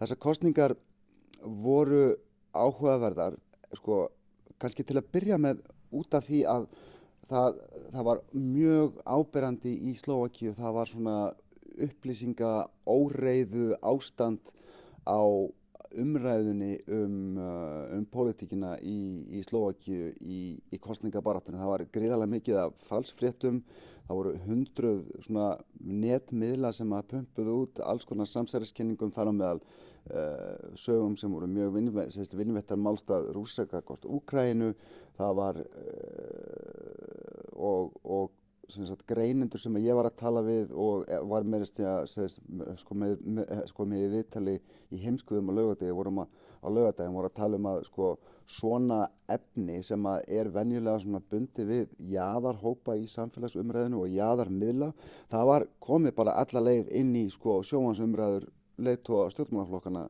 sem voru haldna nokkrum dögum fyrir kostningar ja. þannig að þetta, það var þyrlað upp gríðarlega miklu af svona, af svona slæmum upplýsingum fyrir fólk og, og þetta setti mjög mark á kostningabortuna. Síðan eru það líka áhugaverðar í evrósku samengi vegna þess að Fítsjó, þessi, þessi maður sem var fyrrum fórsettisáþra, hann talaði mikið um auðvaríksmál og sérstaklega Úkrænu. Eh, hann lísti meðal annars yfir að Slovakija myndi hætta öllum vopnasendingum til Úkrænu. Hann var, hann, var, hann var líka með yfirlýsingar sem að í rauninni réttlættu innrás rússa í Úkrænu. Hann talaði meira sem um að, að úkrænskir fasistar hefur verið að myrða fólki í östurðu Úkrænu sem hann er svo bara ljósir þetta upp úr talpunktum sem að maður hefur heyrt rúsneska ráðamenn sko nota. Mm. Eh, Fítsjó var líka að, á sama tíma að tala um nöðsinn þess að, að semja um, um, um, um frið í Úkrænu. Já, og Slovaki eru þetta í Evropasambandinu og Allandsafsbandalæginu og svona orðræða hefur væntanlega valdið einhverjum titringi þarna. Já, það er alveg ljóst að hún gerði það. Eh, það hefur náttúrulega verið svona nánast, ekki þó ekki fullkominn en nánast óskoru samstafa innan ESB og NATO um, um stöðning við Ukrænu, bæði efnaðarslega stöðning og hernaðarlegan og Slovakia hefur sko til þessa verið mjög framalega í þessum flokki þegar það gefið vopn þar meðal gamla sovjaskar orustuþóttur og loftvarnakerfi jafnvel þótt að sko það hafi verið mjög mikið los, það var svolítið los á stjórnarfari í Slovakíu eftir 2018 og kannski aðal eftir 2020 það komu og fóru fósettisráþarar og aðri ráþarar, ég held að það hafi verið þrjár stjórnir, kostningarnar á lögadagin voru auka kostningar vegna þess að stjórnin svo síðast að fekk vantröst á sig í desember og þá var skipuð starfstjórn sem að reynda reyndist ekki nefnir nokkra mánuði þannig að það var skipuð önnur starfstjórn þannig að það, það er búin mjög mikið losa á þeim. Mm. en þeir hafa mjög, verið mjög tryggir og dyggir uh, stöðnisminn Úkrænu undarfarið en, uh, en sem sagt það ef að Fítsjó verður fórsettisræður þá mm, er hægt að búast við einhvernum breytingum á þessu allavega með við það sem hann saði í kostningabartu. Já, en svo er það þannig að menn segja stundum eitt í kostningabartu og, og gera svo eitthvað annað í ennbætti. Jújú, það er alveg rétt og, og Fítsjó hefur alveg gert það líka eins og mjög margir aðrir og það hefur mynd margir benda á þetta hjá Fítsjó hann, hann sagði til dæmis 2006 að það kem ekki til greina að Efran er tekin upp í Slovaki hann, hann leitið svo einlegingu Efran á 2009 mm. og það eru svo sem alveg ákveði merkið þess að svona það sem hann sagði í kostningabartinu núna hafi verið svona þú veist, hann hefur kannski að vissuleiti verið að tala inn í sko hóp kjósenda á hægri vagnum, það er að segja lengst til hægri og verið að reyna að lokka sko til sín kjósendur svona flokkar sem að standa mjög langt til hægri í Slovaki, þeir eru alveg til sko, mm. vegna þess að flokkar svona til vinstri við hann og til vinstri við smér hafðu að vissuleiti hafnaði að vinna með hann með kostningar, hann, uh, ja, það hefur verið svona alltaf svolítil spillingarlikt af þessum flokki Fítsjós, hann röklaðist frá völdum 2018 eftir morðið á, á Jan Kuciak sem var einmitt að rannsaka spillingamál sem flokkur Fítsjós var bendlaði við. Og þannig að þessi skuggi svona spillingamál hefur svolítið haldið svona hangið svolítið lengi yfir, yfir smer sem að hefur verið ráðandi í stjórnmálum í Slovakíu í mjög langan tíma alveg frá 2006 þannig að Fítsjó var svona svolítið eitræður eins og maður segir eftir 2018 mm. hann hefur verið á þingi í stjórnarnarstöðu síðan 2020 og hann hefur svolítið verið að tala á þessum nótum þá og svolítið verið að svona færast í aukana eh, segja menn í Slovakíu svona hans orðaraða hefur verið að verða harðari á undanfjörnum misserum Já, en núna eftir kostningarnar, hvað er hann að segja núna? Já, það er nú þannig, hann verið svona kannski aðeins verið að draga í land allavega með svona já, hversu hörð orðan notar, að, svona, til dæmis hvernig hann talar um Úkræni, við klum aðeins heyra smá brotarum á bladamannafundi sem var í Bratislava í gerð. Ja sa obmedzím na jednu vetu a poviem, že Slovensko a ľudia na Slovensku majú väčšie problémy ako je Ukrajina. Sko, Fitchi var að segja þarna að Slovakar standi fram með fyrir stærri vandamálum en, en afstöðunni til Úkrænu stríðið séu þetta harmleikum fyrir alla og, en, en að ef hann og hans flokkur komist í ríkistjórn þá mun hann beita sér á vettvangi ESB fyrir, fyrir friðaviðræðum á milli rúsa og Úkrænumanna. Hann segir líka að Slovakia muni áfram senda mannúðar aðstóð til Úkrænu og sé til í að taka þátt í endur uppbyggingu þar. Hann sagði reyndar í kostningabarátunni að ekki eitt einasta skot í viðbótið er þið sendt til Úkræðinu en það er vandamál heima fyrir séu það sem að ný stjórn eigi að, að einbetta sér aðeins að það er Fítsjó í, í gær. Já og, og þú nefndir það að við verum svona eiginlega eining um málefni Úkræðinu en, en Viktor Orbán svo þeirra Ungverðlands, hann hefur kannski verið sá í leðtúar á því Európa-sambandsinn sem hefur ég gert aðtúasemtir við uh, þessi mál, stuðningin við Úkrænu, refsa aðgerðið gegn rúsum. Uh, má búast við því að Fítsjó gangi í lið með Orban ef hann verður fórsettisráður? Já, það búast mjög margi við því að það einmitt það muni gerast þegar Fítsjó, þegar og ef Fítsjó kemst á þessa fundi hér í Brussel og annar staðar.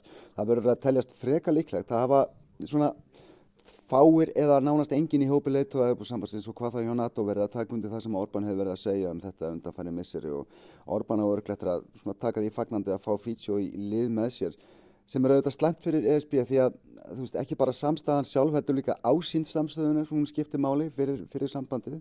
Það er en sko það verður líka samt að taka það fram að Orbán, hann hefur oft og tíðum gert aðtúasemdur eins eins og þú sagður eða, eða jafnvel svona blokkar að ákveðna ákvæmna hluti af, af stuðnisaðgjörnum sko, við Ukrænu en þá hefur hann líka svona í megin aðtriðum sko, þú veist, gefið sko, sko, samþykki sitt fyrir þeim þar að meðal þessa 11 pakka af resiðaðgjörnum sem að sem að, sem að ESB hefur samþykt gegn rúsum síðan 2014 þegar þeir lögðu undir sér krímskaðan og, og vel að merkja á þeim tíma var Fítsjó fósettisáþara á þeim tíma og, og tók þátt í þessu þáttur að hafa gert aðtúasemdir. Mm. Sko Orban er líka svona leiðtögi af því tæginu að hann hefur ekkert víla fyrir sig undan fara nárað að, að nota mál af þessu tægi, þar að segja mál sem að þarf samstöðum til þess að marka sér samningsstöðu í einhverju, einhverju allt öðru. Mjög ekki glema því að ungverðar hafa átt í langvinnum deilum til dæmis við Europasambandið um, um réttarfari og stöðu fjölmjöla í ungverðarlandi. Mm -hmm. Það má alveg búast til því að,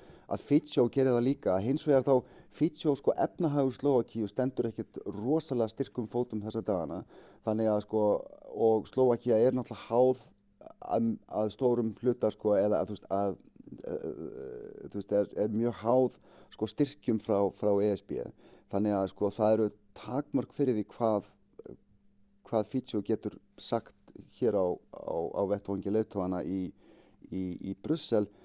Á þess að kannski hljó, sko það hljótist að því einhverjar svona, ég ef að segja efnaðarslegar afleðingar fyrir Slovaki Já, einmitt. Eh, Björn, það eru tveir leiðtúafundir í veikunni og, og báðir eru þeir í Granada og Spáni. Já, ekki slæmur, ekki slæmur staði til að fara, fara á leiðtúafund. Nei. Allavega núna, það er örgulega fínt veður þar núna. Það er sérst á femtudaginn, þá verður fundur í því sem við höfum kallað á Íslandsku politíst bandalag Evrópuríkja, EPC eða European Political Community. Þetta er þriði fundurinn sem er haldin í þessu bandalagi, svo fyrsti var í Prag í fyrra, svo var hann í Moldófu og núna á Spáni. Þetta er sem sagt svona fundaformat sem að Emmanuel Macron uh, fórsetið Fraklandslæði til í mæ í fyrra. Það voru í rauninni beinu viðbröð við innrás rúsa í Ukrænu. Og þarna hafa leittóar svona um það byrj 45 Európaríkja geta komið saman á svona óformlegan hátt til þess að ræða, ef að segja frjálslega, svona stórumálinn sem að blasa við álfunni, öryggismál, orkumál, málefni flóttafólks, Úkræna sjálfsögðu. En, en þarna eru engar svona bindandi ákvarðanir teknar eða neitt slíkt, þannig að þetta er bara svona umræðu vettvangur og, og líka sjálfsögðu tækifæri til eiga tvíliða fundi sem að verður örgulega nóg af. Katrín Jakobsdóttir fósittisáþra, hún hefur tekið þátt í öllum þessum fundum og fer til spánar á, á þennan. Sá næstu verður svo í Breitlandi, snem, sennilega snemma á næsta ári. Þannig að þetta, þetta pólitíka bandalag eh, verist bara vera komið til að vera í Európu. Já. Og leðtóðar Európa-sambandsríkjana, þeir eh, setja svo áfram daginn eftir á, á sínum fundi og, og hvað ætla þeir að ræða? Hvað verður þetta skoni? Það er sömulegis óformlegu fundur sem þýðir að það er engin sameigileg yfirlýsing gefin út á hann og loknum. Spánverjar buðu til þess að funda núna, þeir eru með forminsku í leittóðaráðinu uh, um þessar myndir fram á áramótum. Uh, sko, það eru hins vegar nokkur svona frekar stór mál sem að blasa við Európa-sambandinu þessi missirann og svona þegar maður horfir kannski fram á næstu ár og þau verða að öllum líkindum að dagskráni á fórstudaginn fyrir utan alltaf allt annað þar að segja málefni flóttafólks, Úkræn og allt það, allt það. Sko, eh, en svona mál sem að kannski eh, sko ekki bara svona, svona máli sem ég segi sem að blasa við þessa dagana eins og, eins og, eins og flóttafólk eða, eða Úkræni heldur líka svona langtíma verkefni eða svona verkefni sem að þarf að hafa einhverja langtíma sín á eins og til dæmis stekkun Európa-sambansins sem að reyndar staðan í Ukrænu hefur sett í nýtt samingi og haft, haft mikil áhrif á. Já, við hefum rætt þetta áður. Það er auðvitað að vera að tala um einmitt Ukrænu en, en hvaða önnur ríki eru nefndi í þessu samingi? Sko, það er Moldova, uh, það eru ríkin á vesturöta Balkanska, það er þessi Albanía, Bosnia, Herzegovina, Kosovo, Svartvedaland, Norður Makedónia og Serbia og svo mögulega Georgia sem er litið til. Öll þessi ríki hafa svona verið á byggðlistanum undanfæran ár. Nokkur þeirra eru komið með stöðu umsóknaríkis uh, önnur eru í þannig fasa að það svona er alveg óljóstum hvernig framaldi verður. Bara, bara Serbia og Kosovo eru gott að hefði það er náttúrulega mm. lofandi deilur þar á milli og Európa-samhætti hefur einmitt sagt báðum aðilum þar að, að, að geta þeir ekki settlað sínar deilur þá, þá munir það tefja fyrir öllum, öllum framgangi þeirra gagvart Európa-sambandinu en, en í öllum þessum ríkjum er talsverðu vilji til þess að, til þess að hefja, hefja virðaður. Uh, Úkræna er kannski það ríki sem er komið hvað lengst, það var náttúrulega fekk í rauninni stöðuna sem umsóknaríki sko í fyrra eftir innrásuna og núna sem sé í desember þá stendur og þá liggur einlega fyrir leittóraðinu sem að heitist á formlegum fundi reyndar í oktober en líka í desember að, að hefja, að, að taka ákvörnum að hefja formlegar aðaldiverðar við stjórnvöldi í Kíef. Uh, fólk þar hefur á sama tíma og stjórnvöld þar hafa í rauninni verið að fást við, við innrás í landið sitt þá hafa þið líka unnið að kappi við að uppfylla ákveðin skilirði sem að ESB hefur sett um viðræður til dæmis um endurbætur og réttafæri um stöðu minnilutahópa í Úkrænum það er til dæmis nýbúð að setja nýlögum um, um, um réttindi minnilutahóps sem að er af ungversku ungverskum uppruna í vesturluta Úkrænu. Það er talað um aðgerði gegn spillingu og Úkrænumenn segjast vera bara komnir langleðina með að uppfylla öll þessi skilirði og séu bara tilbúinir í verðaður. Já, en sko það eru aðildar eh, umsóknaríkin en svo er líka rætt um að Evrópusambandið sjálf þurfa að breytast ef að það á að rúma hvað 36 ríki. Já, 36, 30, já, 36, 37 ríkjum, maður veit það ekki en, og mm, við kannski vitum ekkert hverjar heldur en, en það er svona hinn hliðin á þessum vangaveltum sem að þarf eiginlega að vera búið að ágreða áður hann að þessi stekkun gerist. Sko, þessar vangaveltur snúast til dæmis um að í fyrsta lagi styrkja réttarfari í aðeldaríkjónum. Það er, það, er, það er líka uppi hugmyndur um að, um að meiri luta samþykki verði beitt í fleiri málaflokkum en núna sem þýðir að einstakur íti sem þýðir þá að einstök ríki geti ekki stæðið í vegi fyrir, fyrir stórum ákvörðunum til dæmis um öryggis og utryggismál eða refsiðagjörðir. Það sem þess að týðkast núna í mörgum málaflokkum að það er aukin meirilutu sem gildir þar að segja 55% ríkja ESB með, sem, að, sem eru með 65% af íbúafjölda samþykja eitthvað, þá er það niðurstaðan. Það var bara síðast var ég beitt hérna þegar var gert samkominlag um, uh, um, um nýtt fyrirkominlag um, um, um hvernig það var að taka á móti flótafólki. Mm. Þá voru Póland og Ungverðarland bara alltaf á móti en það var samþygt með, með auknum meira hluta. Uh, svo til dæmis til samanbörður ef við tökum til dæmis NATO sem að verum hluti af þá er, sagt, þá er alltaf, það er alltaf að komast að samkominlagi þannig að öll ríkin segi já af því að eitt getur stæði í vegi fyrir öllum aðrum og Já. svo er líka sko hugmynd á flugi núna um að, svona, að, að það sé ein leiðin til þess að fá Európa-sambandi til að virka með svona stórum hópi ríkja, það sé að lagskipta því á einhvern nátt, þannig að það verður til dæmis til einhvers konar kjarni ríkja innan í ESB sem eru veist, bæði í Eurósvæðinu og er að sé að mm. e, já, og síðan sé að í rauninni næsta lag sé kannski sjálft Európa-sambandi með öllum sínum 30 og eitthvað ríkjum hvernig það verður. Uh, síðan uh, næsta lag fyrir utan það séu svona einhvers konar fylgifiskar eða það sem hefur verið kallað associate members sem eru kannski ekki members en, en hérna, ja, aðilar en, en svona ríki sem eru hluti af þessu kerfi. Til dæmis Ísland og Nóri og Líktanstæn sem eru í EES og eru þannig hluti af innrimarkanum en, en ekki í rauninni með aðelda ESB og svo eh, næsta lag þar fyrir utan séu ríkin sem eru þá hluti af Evrópu landfræðilega en ekki hluti af ESB eða eða neina slíku en, en þú veist er í þessu pólitiska bandalagi EPC en, en hérna en standa fyrir utan sérst innri markaðin til og með Tyrklandi gott aðeins. Þessi eh, hugmynd hefur verið rætt áður í mismunandi útfæslumenn og þetta er ju alltaf einhverju umræðu stíi en, en svona er kannski að, að, að leittóar og aðrir í, í ESB þeir gera sér alveg fullega grein fyrir því að það þarf að breyta kerfum og ferlum ef, ef svona mörg ríki 35, 36, 37 verða með fulla veist, ESB er að verða miklu meiri svona áhrifameri og svona ef við segja vöðva meiri aðili í stórveldapolitíkinni í heiminum og þó ekki verðnum út af stríðinu og það þarf að geta tekið ákvarðanir á þess að einstakur ríki standi í vegi fyrir þeim. Einmitt það. Við fylgjumst áfram með kærar þakki fyrir í dag Björn Málkvist í Brussel. Takk fyrir mig. うん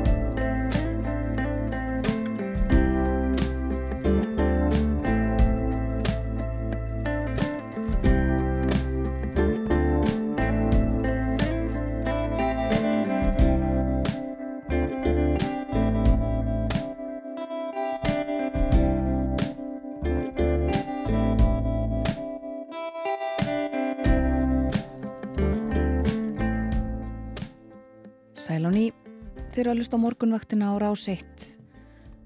Yfirleitt morgun fréttaða baki klukkan orðin leðilega hálf nýju þennan mánudags morgun. Það er annar oktober í dag.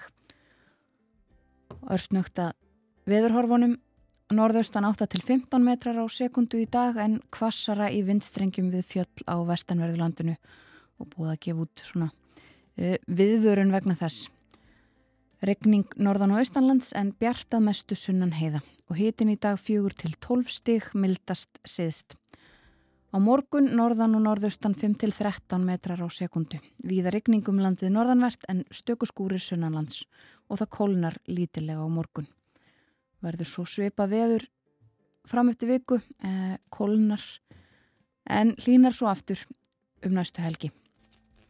Við höfum rætt stjórnmál og eh, erlend málefni þar sem afer morgunvaktarinnar við eh, rættum við Sigrúnu Davísdóttur í London snemma í morgun um bresk stjórnmál málefni og uh, hér áðan var með okkur Björn Malmqvist í Brussel. Það eru leiðtóafundir framundan tveir í vikunni, báðir á Spáni og Granada á Spáni og Katrín Jakobsdóttir fórsættisráþara á leiðinni til Spánar á uh, fund þessara vettvangs sem að Emmanuel Macron fraklandsfórsætti uh, stopnaði til í fyrra. Pólitísk bandalag Evrópuríkja. Og svo er það Evrópusambands leðtóðarnir sem að funda í kjálfarið ímislegt á dagskráni þar. Og við rættum líka svo litið um kostningarnar í Slovakíu um liðna helgi. En já, þessi mála hafa verið fyrirfærað mikil það sem afer en uh, síðustu mínúturnar á morgunvaktinni ætlum við að fara í söguna. Ætlum að ræða um Jónas Kristjánsson lækni og sögu hans. Út var að koma bók um Jónas. Að deyja frá betri heimi heitir hún, æfisaga Jónasar Kristjánssonar læknis og það er Pálmi Jónasson, sagfræðingur og frettamæður sem að skrifa bókina og hann er komin hinga til okkar. Góðan dag Pálmi. Góðan daginn. Og til aðmyggjum með þessa bók. Takk.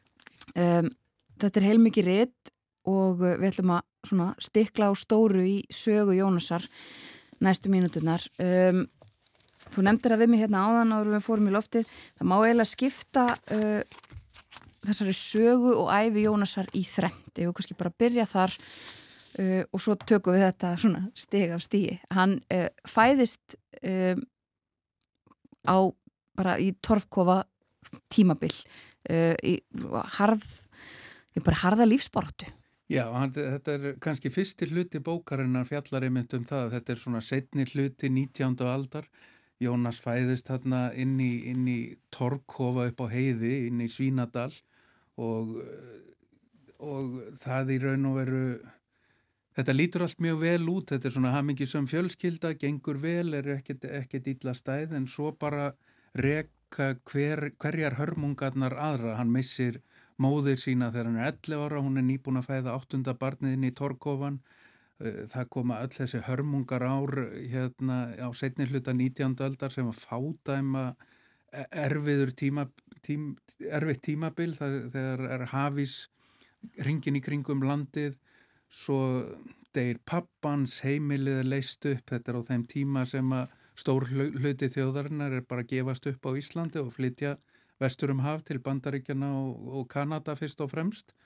Og, og það er norðu fjölskyldan er bara leist upp og það, það enda eil allir í Bandaríkjana nema Jónas og, og Arfár aðrir. Og Jónas nær svona með, með harfylgi að, að brjótast til menta og, og verður síðan læknir og, og þá breytist svona hans líf tölvert. Já, Já það er uh, vegna þessa áfalls sem hann verður fyrir þegar móður hans deyr uh, sem hann ákveður að verða læknir og hann heldur því til streitu einmitt þrátt fyrir allt, alla þessa erfileika sem hún nefnir. Já, hann sér bara það að, að hérna, móður hans sem er, hérna, þetta er tveimu vikum eftir að Jónas á 11 ára ammali, viku eftir að áttunda barni fæðist í, í kotið, að þá deyr móður hans úr bólgusótt, að hún hefði borðað, borðað ónýtt kjöt sem að menn voru að bjarga úr skipstrandi.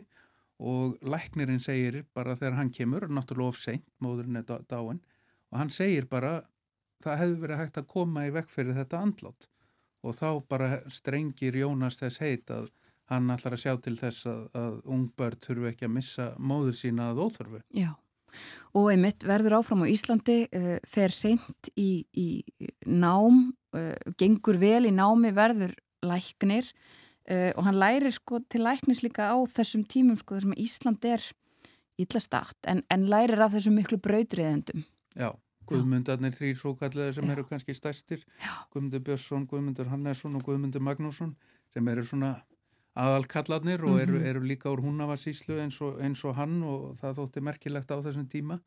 En þá líka breytist þetta því að læknar á þessum tíma, þetta eru svona, þetta eru aðal hetjurnar í landinu, lækniséröðin eru alveg gríðarlega stór, það er náttúrulega engir vegir, engir bílar, ekki neitt, þannig að Þetta eru hetjurnar sem er að ríða um heiðar í, í snjóbilum miða vetur og koma fólki sem er bara að gefa upp öndina og Já.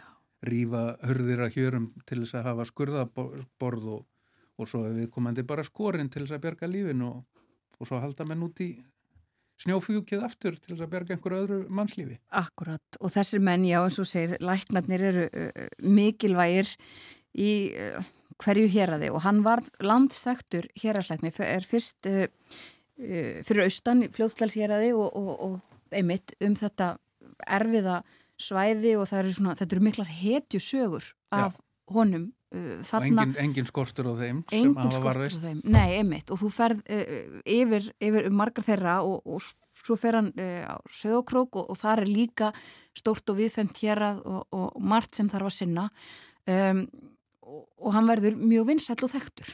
Já, og það kannski, kannski verður til þess að síðar þegar hann er, er hérna er kjörin á alþingi sem að verður þegar hérna Kristján Tíundi Dana konungur kemur hingaði heimsókn og er að ferðast með Jóni Magnúsinni fórsætisráð þeirra um, um landið og, og hérna þegar, þegar Kristján Tíundi fer að þá bara þá deyr fórsætisráð þeirra mm -hmm. og þá þarf að, að hérna, kjósa, kjósa hérna, nýjan þingmann í landskjöri yfir, yfir all landið og þá sem sagt þetta er á þenn tíma sem Jónas frá Hriblu er orðin helsti, helsti valdamaður og, og er við það að ná völdum og hann ákveður að tryggja það með því að samena aðla framsóknarmenn og alþýðflokksmenn og þeir bjóða fram saman og telja, telja fullvíst að þeir muni rústa þessum kostningum.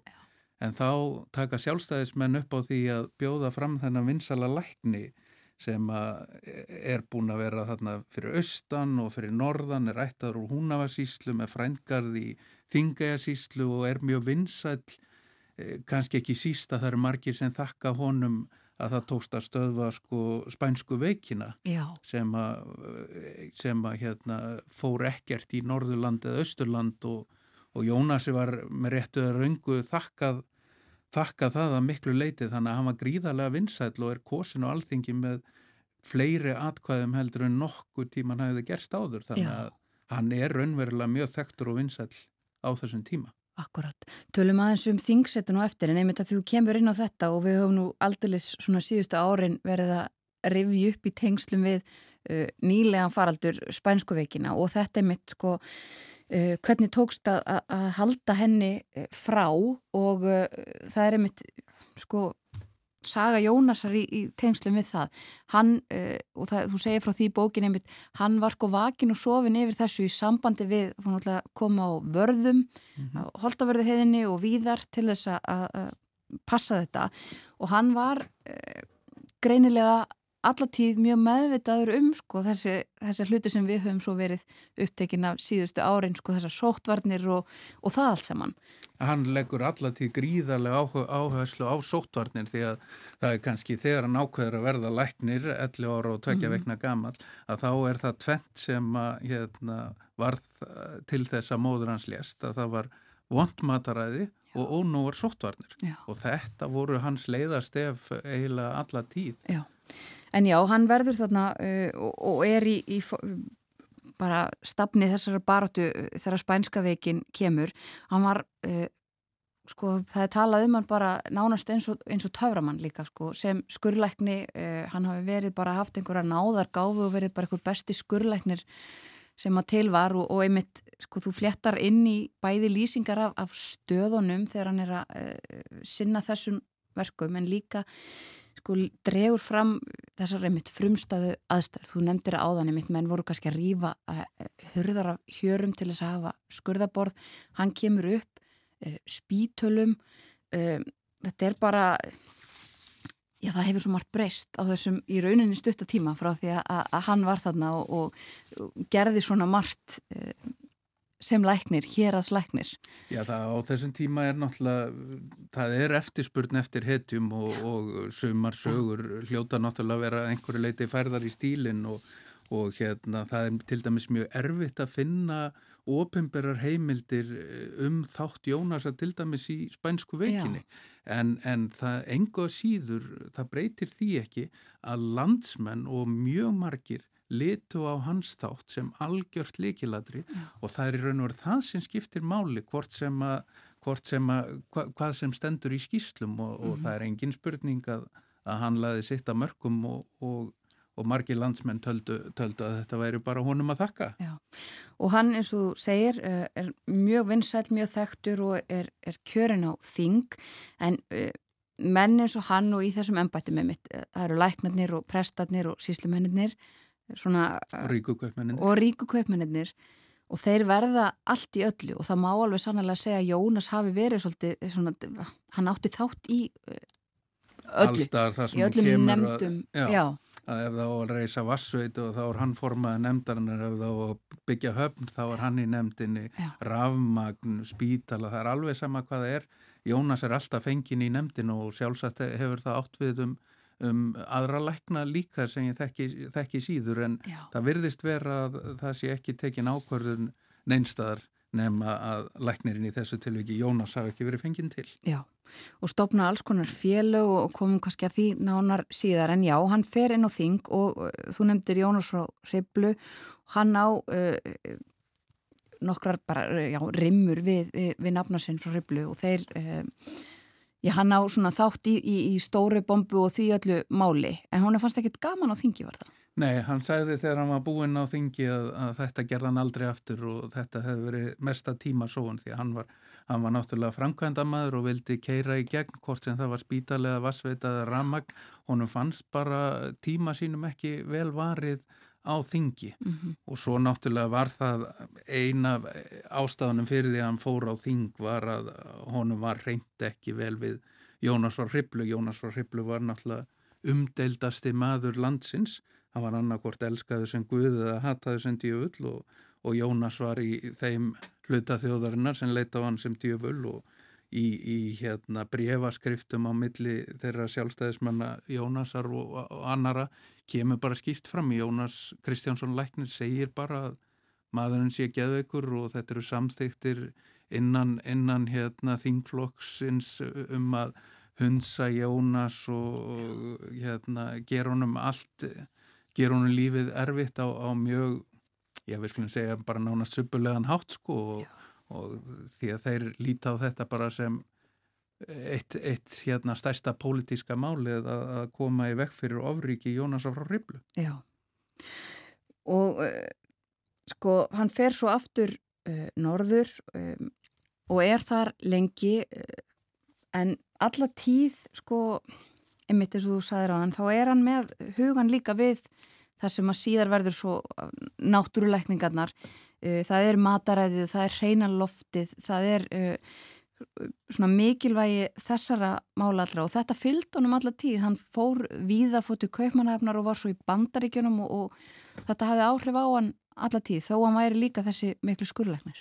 Já, hann ferðaðist mjög mikið og, og hérna, fer mikið til útland og hann, hann styrkist alltaf í þeirri svona lífskoðun sem hann hefur alla tíða, hann, hann, hann er mjög trúaður en hann er kannski fyrst og fremst trúaður á náttúruna, hann, hann hérna, hann talar um Guð en hann prófar líka ímislegt annað, hann svona daðra við spiritisma og, og svona austurlensk trúabröð en, en fyrst og fremst lítur hann á þetta sem sama hlutin, það er í raun og veru náttúran sem er hefur góða afl, græðandi afl en maðurinn kannski svona þetta eigðandi afl og það er alltaf bara átt að þarna, þarna á milli Já. og hann hefur svona einhverja svona náttúru trú en síðan styrkist það þegar hann ferðast til útlanda og kynnist þessum helstu leitóum uh, náttúruleikningana að þá bara fær hann staðfesting á því sem hann hafi verið að segja áður og, og er í mjög nánu sambandi við alla helstu forvísmenn náttúruleikninga Erlendis sem er mjög nánu samstarfi og, og náttúruleikninga félagi og síðan helsuhælið er, er í raun og veru alveg í takt við það sem að var að gerast hjá, hjá helstu þjóðum í útlandum og fremstu náttúruleikningamönnum í, í heiminum á þeim tíma. Já, og er svolítið á undan sinni samtíð uh, og, og svo sko Akkurat 100 árum, hann, hann bóðaði þetta í raun og veru 1923 fyrir Já. réttum 100 árum í, í rúmlega tveggja klukkustunda fyrirlestri Akkurat. sem var gefin út og Já. þar eru allar hans helstu skoðanir og boðskapur kemur fram og, og, og það er þetta eins og nefndir, þetta er, þetta er bara náttúran. Já. Þú veist að lifa heilbrygt, heilbrygt loft, heilbryðu matur og heilbrygt lífverðni hérna og það, það taldi hann vera aðalatri því að hann, vildi allan tíman koma í vekk fyrir sjúkdóma. Hann fannst ekki rétt að sem læknir að vera alltaf að grýpa inn í þegar barnið var dottið í brunnin hann vildi byrja brunnin áður en barnið ditti í hann. Já, og þetta er nú aldrei eitthvað sem mikið er rætt nú á dögum, en sko þetta var ekki alltaf til vinsælda fallið þessar náttúruleikningar, hann hafði þetta verið mjög vinsæl hérasleiknir, en það svo breytist þegar hann fer meira í, í náttúruleikningarnar, það, það er umdilt. Þetta þótti bara mjög skrítið, hann var, hann var kallaður arvalæknin því að hann var að borða arfa og, og annað grannmeti og hann var kallaður skítalæknin því að það, á þessum tíma voru með voðalega uppteknir af ristlinum og eitur áhrifum frá þeim og, og maður sér það bara börninans og vinir og vandamenn að þeir eru ekkit að hafa hátt um það að þekkja þennan, þennan skrítna mann og mm. það er umræður um að, að reyka nú læknafélagin og, og manni finnst það svolítið þótt að maður skiljiði alveg á þessum tíma þá, þá er þetta mjög skrítið hundra árum setna því að það sem mann er að búa það er bara heilbrikt líf en, en þarna er litið á hann sem af mörgum sem bara fyrðufögl. Já, og hann kemur til Reykjavíkur og fer að stunda um nutt og baðleikningar eh, fyrst bara í húsinu sínu í Norðumýrinni og þetta kannski verður svo grunnurinn að því sem að verður svo heilsuhælið hveragerð og það eru þetta, já þó hann hafi ekki farið í það að fullum krafti fyrir hann eftir hann lauk hefðbundum störfum þá er það eiginlega svona í annað lífst Eh, starf.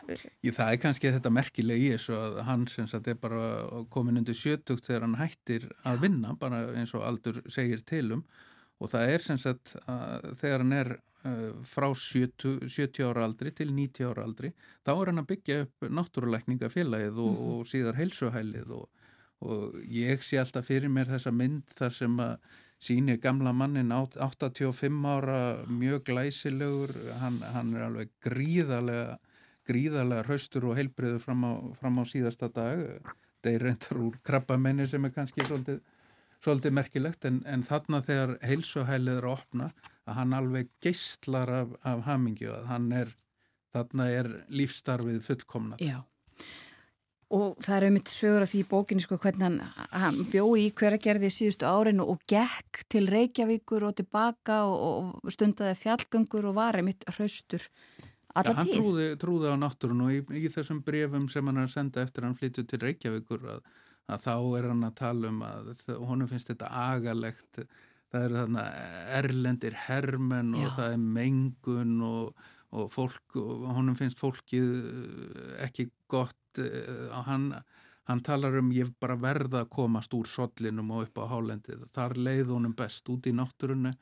Hann, hann gekk oft frá hveragerði til Reykjavíkur og til þess að hitta mann og ef þeir voru ekki heima þá bara gekk hann tilbaka til hveragerðis og, og hérna og, og aldrei á vegi hann, hann vildi ganga í, í, í þúvonum, hann taldi, taldi það náttúrulegra og betra. Einmitt og ráðlega öð, öðrum að gera slikt til sama um, að sko, já, og lífstarfið fullkomnað eins og þú segir með opnun heilsuhælisins í hveragerði og það hefur auðvitað staðið tímans tönn frá þessum tíma en hvernig var það svona þessi fyrstu ár og, og, og já, við stopnunina, þetta var, þetta var ekki þrautalös ganga. Nei, þetta var náttúrulega harlífið. Hann, hann rak þessa, hérna, þessar bað, bað og nulllækningar heima hjá sér eins og þú nefndir og, og sem var svona undirstaðan af, af starfseminni í hveragerði framan af og það sem var kannski erfitt var það að þetta var ekki viðkjent og það var heilmikið landstað ekki síst með að lækna og, og mest af öllu landlæknis að þetta væri ekki neitt sem að gæti fengið endurgreðslu frá sjúkratryggingum eins og allir aðrir læknar fengu. Og það var líka varðandi heilsuhælið í hveragerði. Mm.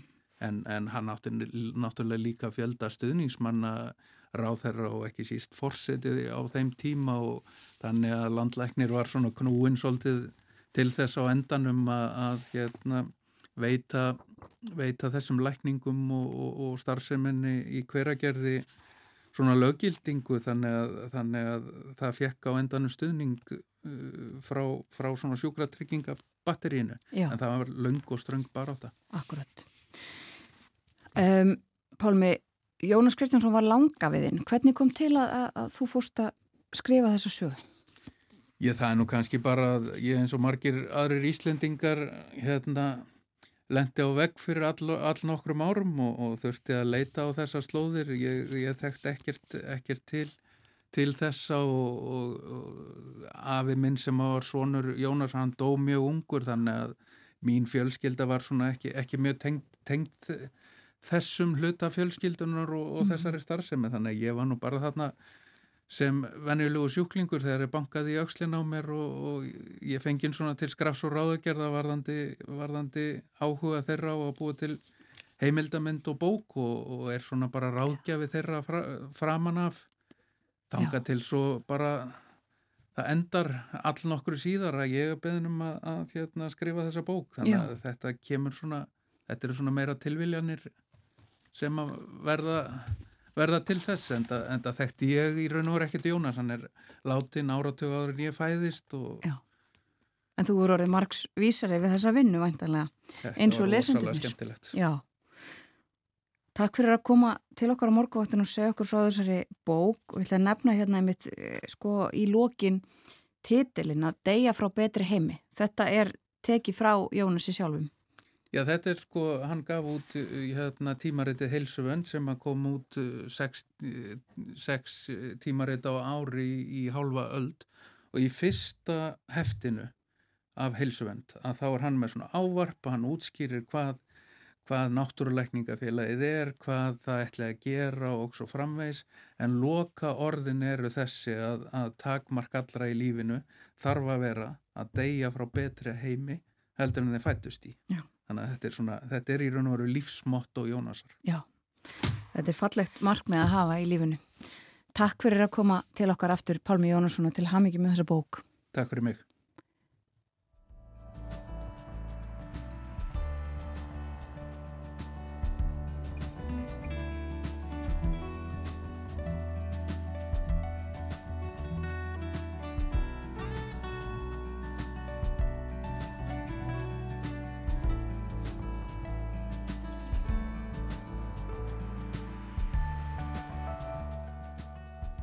Pálmi Jónasson var síðasti gestur morgunvaktarinnar þennan mánudags morgun. Við rettum um uh, Jónas Kristjánsson Lækni. Pálmi var að gefa út bók, uh, æfisugu hans að deyja frá betri heimi, heitir hún. Og uh, við stikluðum á stóru, náðum ekki að ræða um konu Jónasar, hansínu sem líka var merkileg. En Þessur að ljúka þannan mánundagsmorgunin. Morgumvaktin verður aftur á sínum stað í fyrramálið. Við bjóðum góðan dag þegar klukkuna vantar tíu myndir í sjö. Þannig er það alla virka daga. Múnandi njótiði dagsins. Takk um samfélgina í dag. Verðið sæl.